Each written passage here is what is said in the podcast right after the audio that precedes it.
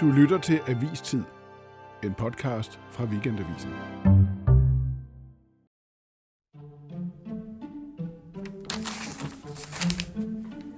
En midterregering med Socialdemokratiet og Venstre, og så SF. Ja, det skriver Arne og Hans Minsenten i ugens Weekendavis. Det er vildt. Lad os sige, at der har været et vis pres fra offentligheden. Lytterne har simpelthen insisteret på, at vi fortsætter vores rundbordssamtaler, og da brændselstævne i journalistik jo består af lige dele søgen efter sandhed og stærk forfængelighed, så tæller vi videre. Og Gud, hvor er der meget at tale om. Forhandlingerne med henblik på at danne en ny regering i Danmark og tage hul på nogle af de store øh, og selvfølgelig også svære diskussioner. Dansk økonomi, både på den korte bane, på den lange bane, behovet for reformer, flere i beskæftigelse, sikre fortsat holdbarhed.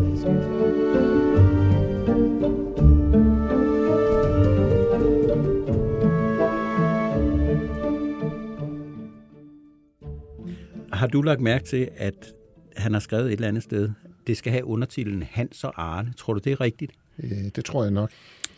Altså, hvis nu du tager det gamle testamente, ikke? Ja. de to brødre, Ja. Kain og Abel, Ja. hvem nævner man først? Det er jo det er rigtigt, men det er jo, Det er Kain. det er jo den onde. Man nævner Han, først den onde. nej, man nævner den første fødte. Ja, man nævner den onde først. Og vi er ikke brødre, men jeg er ældre end dig. To brødre i hver sin oase. Eller Så- hvad var det? Så egentlig, så skal det nok gentænkes. Jeg tror, jeg ser ind i, at vi skal, at vi skal gentænke det. Skal gentænke titlen Ja, simpelthen. ja.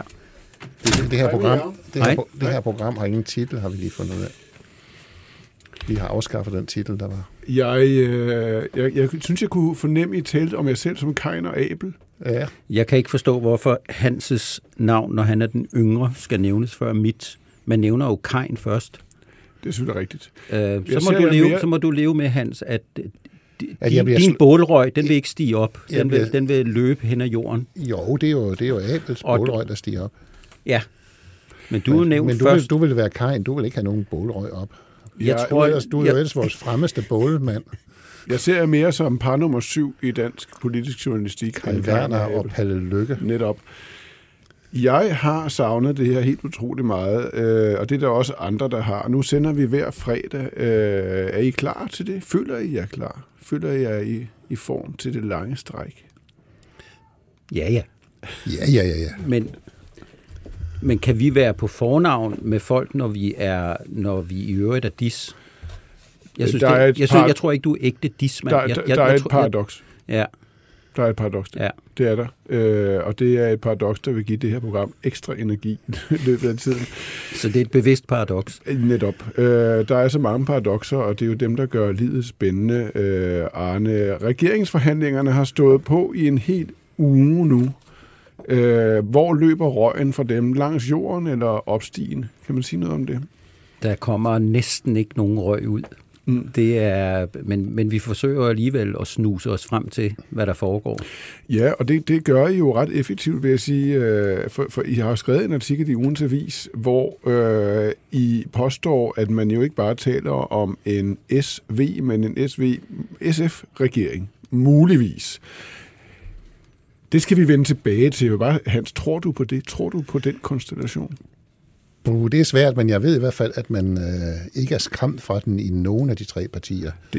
Det er vildt øh, interessant, opsigtsvækkende, og vi skal tale om det øh, i dag. Først, øh, Mette Frederiksen, den kongelige undersøger, tager sig jo god tid.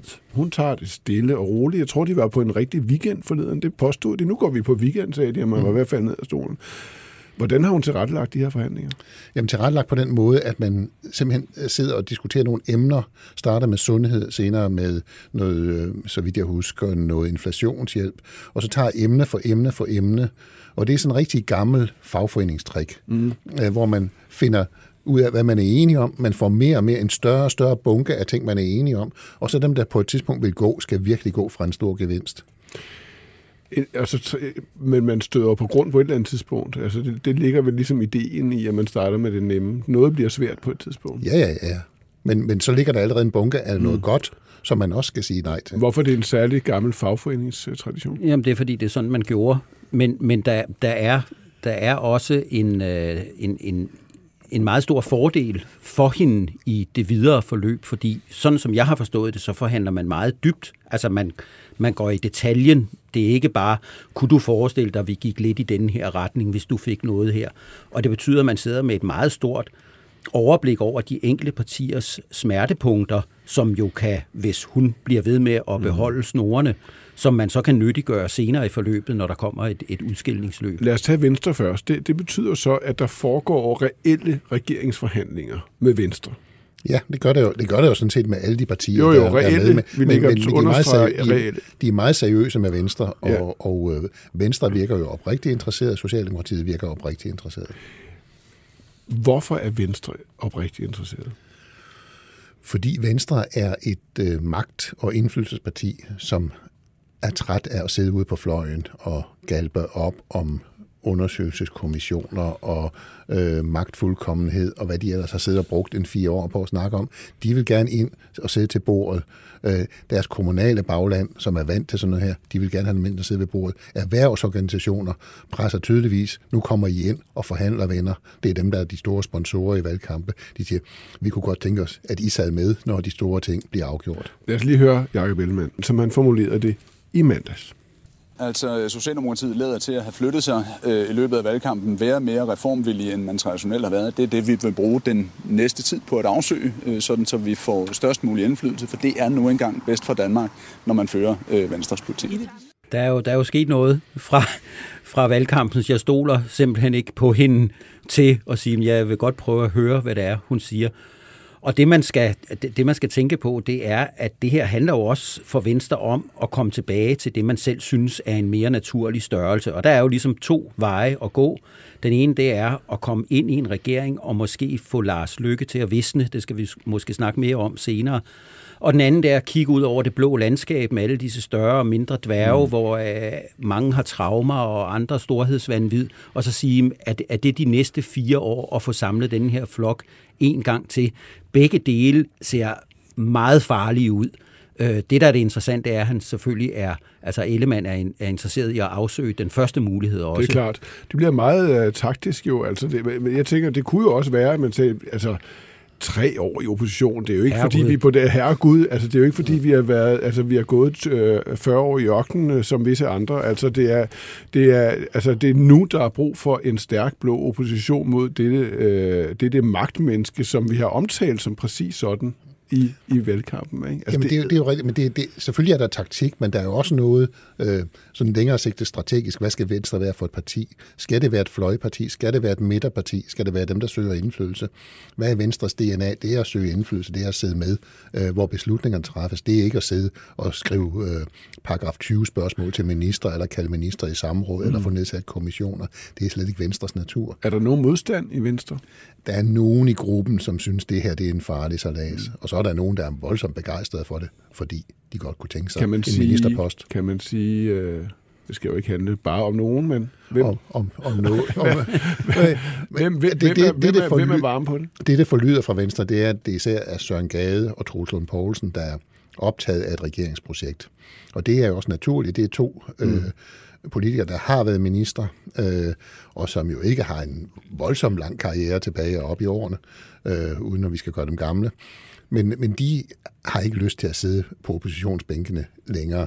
De vil ind. Altså når først man har været minister og set, hvad man kan bruge det apparat til, hvad man kan få af indflydelse, så er det andet altså noget mm. kedeligt noget at sidde med. Og de er altså begge to store stemmer i Venstre. Det er meget stor betydning, hvad de siger. Og så store, at de måske også tænker, at den der risiko, som man er blevet advaret imod i den her konstellation, altså en regering hen over midten, altså om at det mindre parti, juniorpartneren, det, altså ikke statsministerens parti, risikerer at visne, forsvinde i sådan, en, i sådan et samarbejde hen over årene. Jo, men, men der tror jeg, at det der visne spørgsmål, det ser man anderledes på, og nu tager jeg så hul på det der med, med Lars Lykke, fordi det, det, der er enormt sjovt, synes jeg i hvert fald, det er, at der ligger i denne her tænkning, at manden, der har proklameret øh, tanken om, at midten skal bestemme, Lars Løkke Rasmussen, han er tænkt ud af denne her ligning. Han er bevidst tænkt ud af denne her ligning. Det er en del af Venstres taktiske tænkning. Hvorfor, Hvordan? hvorfor er det morsomt?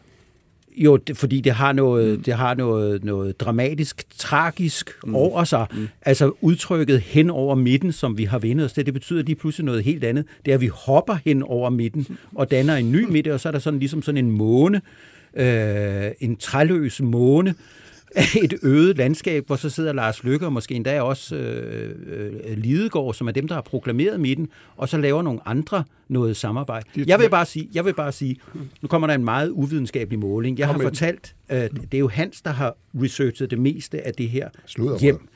Men jeg har så til gengæld nogle folk, jeg har kendt, så har jeg fortalt om det, for jeg synes, det var så, så fuldstændig morsomt. Og de har alle som en, og vi taler trods alt om 5-6 mennesker, altså næsten statistisk signifikans, sagt, ja, helt fantastisk. Det kunne være enormt sjovt, hvis Lars Lykke han ikke var med i det her. Det er ligesom om, der har ophobet sig en modvilje mod ham. Han har alligevel været for smart. I starten af valgkampen, mm. der var han selve den lysende, rationelle måde at lave politik på. Og nu, jamen, der er alligevel for meget fikumdik og fandango og taskenspilleri. I, øh, når så fortæller han, han forhandler med nogle grønlænder, så fortæller han, han holder sammen med en anden. Det, det, er, det er meget fascinerende. Jamen, jamen det er rigtigt. Der er en stor irritation over Lars Løkke, og den er meget bred øh, i det politiske spektrum. Det er det der med at gå og sige, øh, jeg er i gang med nogle nærmest alternative regeringsforhandlinger. Jeg har forhandlet med den ene og den anden og den tredje og lavet en pagt med den. Og, og, og alle partier snakker sammen på kryds og tværs i øjeblikket, men der er kun én, der går og skilter med det. Og det synes de simpelthen er irriterende. Nu skal, han, for meget taktik. nu skal Lars mobbes ud af skolegården ja. igen simpelthen. Det er jamen, det, der er stemningen. Jamen, Lars er jo, Lars er jo selv en mobber, og pludselig øh, øh, rotter de mobbe sig sammen. Det, det har man også øh, set før i skolegården, at pludselig bliver man træt af den der mobber og siger, nu står vi sammen. Det er, han, han, må, han må ikke være med i hulen. Du. Det er hævnens time. Jamen prøv, prøv, prøv at forestille jer, at han, at han sidder mm. der med sin fantastiske folketingsgruppe, og kun er tildelt rollen som klakør for det projekt, han mente, han havde ejerskab til. De har ikke rigtig noget at lave. Øh, I hvert fald skal de finde en meget god begrundelse for at være decideret obstruktive i forhold til det, som, som de har sagt, de selv vil. Det er måske det, der gør det mest morsomt. Er der, er der noget politisk på spil her, kunne seriøst indstillede lytter måske tænke, altså i det der for, forholdet mellem øh, moderater og, og, og, og venstre og deres eventuelle deltagelse i en regering, eller, eller er, det, er det meget noget andet personbåd? Jamen, det er det meget personbåret, og det ja. er meget... Øh... Fordi han kunne vel sagtens være enig i alt, hvad den SV-regering Ja, men problemet er bare, øh, de ved ikke, om han er enig i morgen. Mm. Øh, det er den fornemmelse, de får med ham hele tiden. Og så er der jo det, Venstre kigger jo på de der vælgere. Hvad er det for nogle vælgere, han har fået?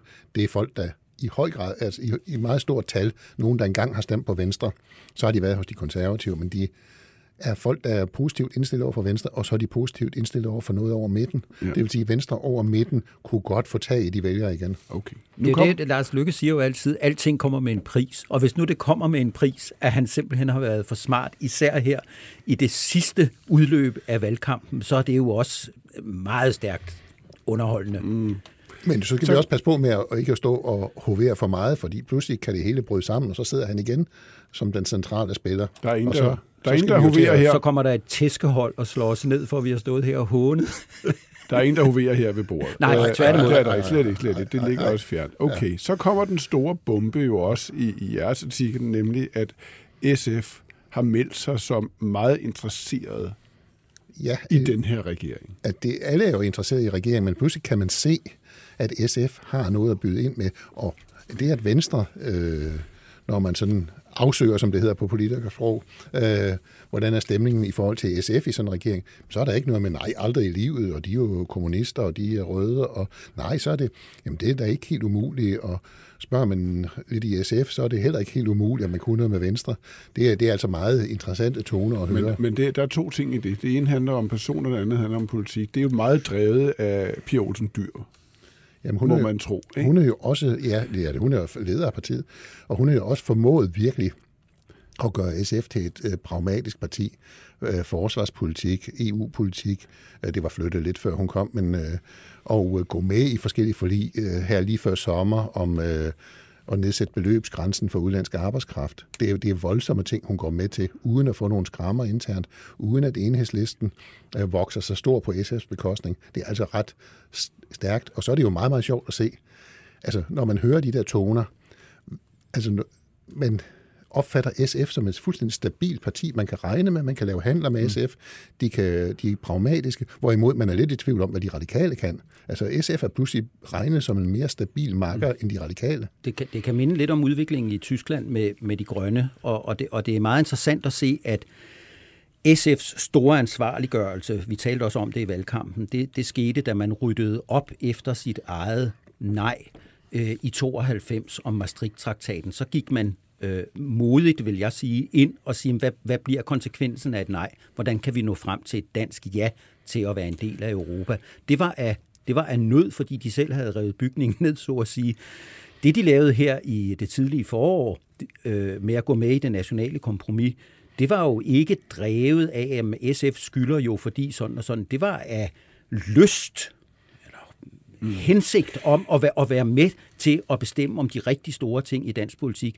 Og det vidner om altså om et parti med meget stor selvtillid. Men, det, men der er jo det må der være. Ellers, ellers er alt, hvad de har sagt i Så valgkampen, jo op. lige meget jo. Altså, det, altså, der er jo meget langt mellem SF og Venstres politik. Ja, ja, ja. ja. Men, men, men, men man ser jo på, så begynder man jo at se på, hvor er det, vi alligevel kan noget. Ja, okay. Men hvor er det så, de vil støde på, på grund, eller hvor er det, de vil støde på et sted, hvor de virkelig skal hoppe højt? Det, altså, vil, det vil, må være klimapolitik. Klimapolitikken i forhold til landbruget i høj grad ja. er det, man kigger på, fordi øh, der kan SF ikke give sig ret meget, fordi så får de Alternativet, Enhedslisten, deres egne vælgere på nakken. Venstre er jo stadigvæk i høj grad bundet til landbruget sådan, som store sponsorer osv. Ja. Men man kan bare høre, at Jacob Ellemann er jo også ved at flytte sig der ind mod midten og ind mod nogle... Han er interesseret i nogle byvælgere, borgerlige mennesker, som også er optaget af klima. Øh, han talte på Landbrug og Fødevares øh, delegerede møde, hvor han gjorde klart, der kommer en klimaafgift på landbruget. Det er ikke noget, vi bestemmer. Der er rødt flertal. Den kommer. Glem alt om, at vi kan holde den væk. Men muligvis er det nemmere for Ellemann, fordi realpolitisk, han ved, det kommer, og han kan argumentere for, at han afbøder. Pia Olsen Dyr, hun skal forklare, at hun får noget mindre skinnende, end hun ville have kunnet få sammen med sine rødgrønne mm. venner. Så der, der, der vil presset komme på hende, hvis de når så langt. Ja de har vel begge to, Pia Dyr og Jacob Ellemann, en eller anden fælles interesse i at, at tage lederskab og få den øh, autoritet, som det vil være at træde ind i sådan en regering. Altså, det, altså Pia Dyr, hun har jo den historie med SF, at de, det, det skvattede sammen sidst de var i regering. Jacob Ellemann der er man stillet spørgsmålstegn ved hans autoritet som, som, som leder af Blå Blok og, og, og partiformand. Altså, de må begge to få noget gevinst af at kunne træde ind i en succesfuld regering. Ja, ja succesfuld. Ja. Altså, især hvis ikke det går fuldstændig hammerne galt. Det Præcis. skal vi jo hele tiden huske, at det her kan jo få det til at bræse fuldstændig situ- sammen. Situationen... Hvem, hvem kunne se dengang SF skulle i regeringen, Ville Søvndal var, var kongen af Nordvesteuropa, at det ikke ville blive fuldstændig katastrofalt yes. for, for SF? Jeg tror, de står meget stærkere men, men, men det, det, det, det, det udstår jo at se. Man vil jo læse øh, ofte, og læse ofte, øh, henvisninger til det store hen over midten samarbejde i slutningen af 70'erne, SV-regeringen. Og konklusionen er altid, det varede kort, modsætningerne var for store, skidtet brød sammen. Men de, er situationen de, anderledes i dag? De fik indført efterløn store resultater, trods ja. alt, som man senere har gået og fortrudt lidt. Og begge, øh, og begge partier gik frem. Ja, begge partier gik frem ved valget efter, men det, det havde jo den pris for Venstre, at de konservative gik voldsomt frem ved det valg i 79, og stod i den gode position, øh, da Anker Jørgensen gik af i 82. Så var det de konservative, der kunne tage statsministerposten. Og det er selvfølgelig skræmmebilledet. Men hvem er det lige i Blå Blok, øh, der sådan er rigtig stor konkurrent til Jacob Ellemann i øjeblikket? Det ser ikke så farligt ud.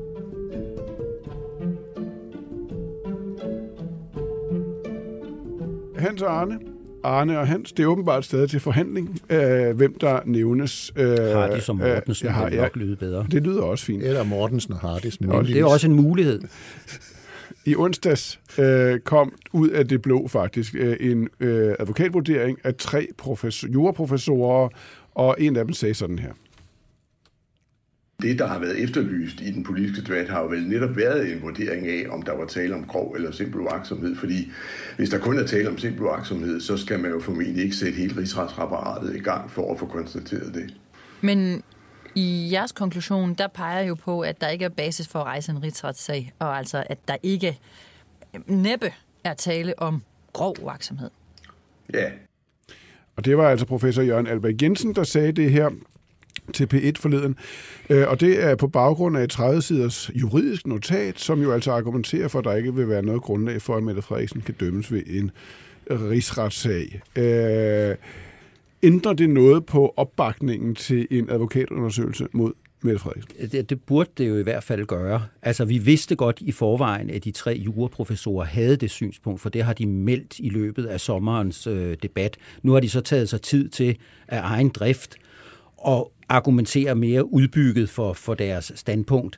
Og det burde jo for dem, som siger, at øh, de vil have sat et værdigt punktum for det her, til at, at skrue ned for kravet, mm. som stadigvæk ligger som en snublesten, snubletråd ja. i, i, i forhandlingerne. Som alternativet jo snubler over ved at bevæge sig frem, frem og tilbage, tilbage frem og tilbage.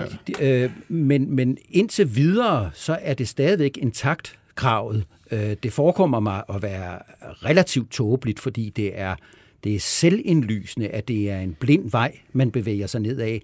Den gav en vis mening i valgkampen, fordi det var en del af den almindelige miskreditering af statsministerens øh, regeringsførelse, sind og alt muligt andet. Men nu var valget overstået, det viste sig, at der var ikke gevinst på den kurs, så skulle man måske overveje at bevæge sig ind i kampen om Danmark fremover, i stedet for at tage et slag øh, mm. øh, om fortiden. Det kan jo godt være rigtigt at gøre noget, selvom der ikke er politisk kapital i det. Ja, men, men hvis det handler om jura, hvis det handler om jura, og det er jo det, man siger, når man taler om rigsretten, det er mm. regeringsførelsen, ministeransvaret, så vil det måske være klogere at lytte til juridiske professorer, end til, jeg vil ikke sige et tilfældigt advokatkontor, men advokatkontorer har jo ikke nogen særlig kompetence på det her område. Øh, mm. Hvis man må nævne øh, Dagbladet Information, de har haft en meget, en meget grundig gennemgang af, hvordan det er gået med advokatkontors øh, evne til at agere klogt i forhold til, til rigsretsspørgsmål, så, så har de jo ikke shined. Øh, personligt vil jeg nok have mere tid til universitetsuddannede professorer end til et øh, advokatkontor. Men det er måske bare mig.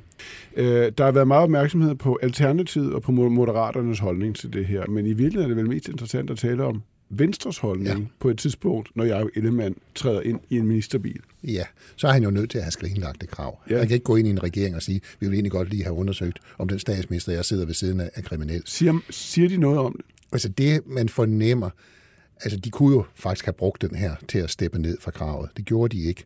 Øh, men det, man hører, det er ikke noget, vi bliver drivende i det krav længere, mm. og man kunne jo også øh, håbe, at der alligevel ikke var flertal for det. De vil gerne væk fra den, men jeg synes ikke, de greb chancen, da den var der. Og til sidst, det vil jo i så fald skabe den første kløft mellem resten af Blå Blok og Venstre som muligt regeringsparti. Nå, der er jo adskillige i forvejen. Men, men, hvor, men stiller, hvor, hvor, stiller, hvor stiller Venstres eventuelle regeringsdeltagelse, eller regeringsdeltagelse, resten af Blå Blok?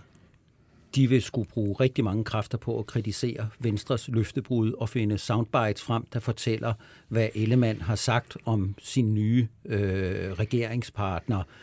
Øh, men det vil jo i givet fald se fuldstændig umuligt ud at genopbygge det, man forsøgte sig med i denne her valgkamp. De seks partier, som sammen skulle gå ind i regeringsdrøftelserne, inklusive nye mm. borgerlige osv.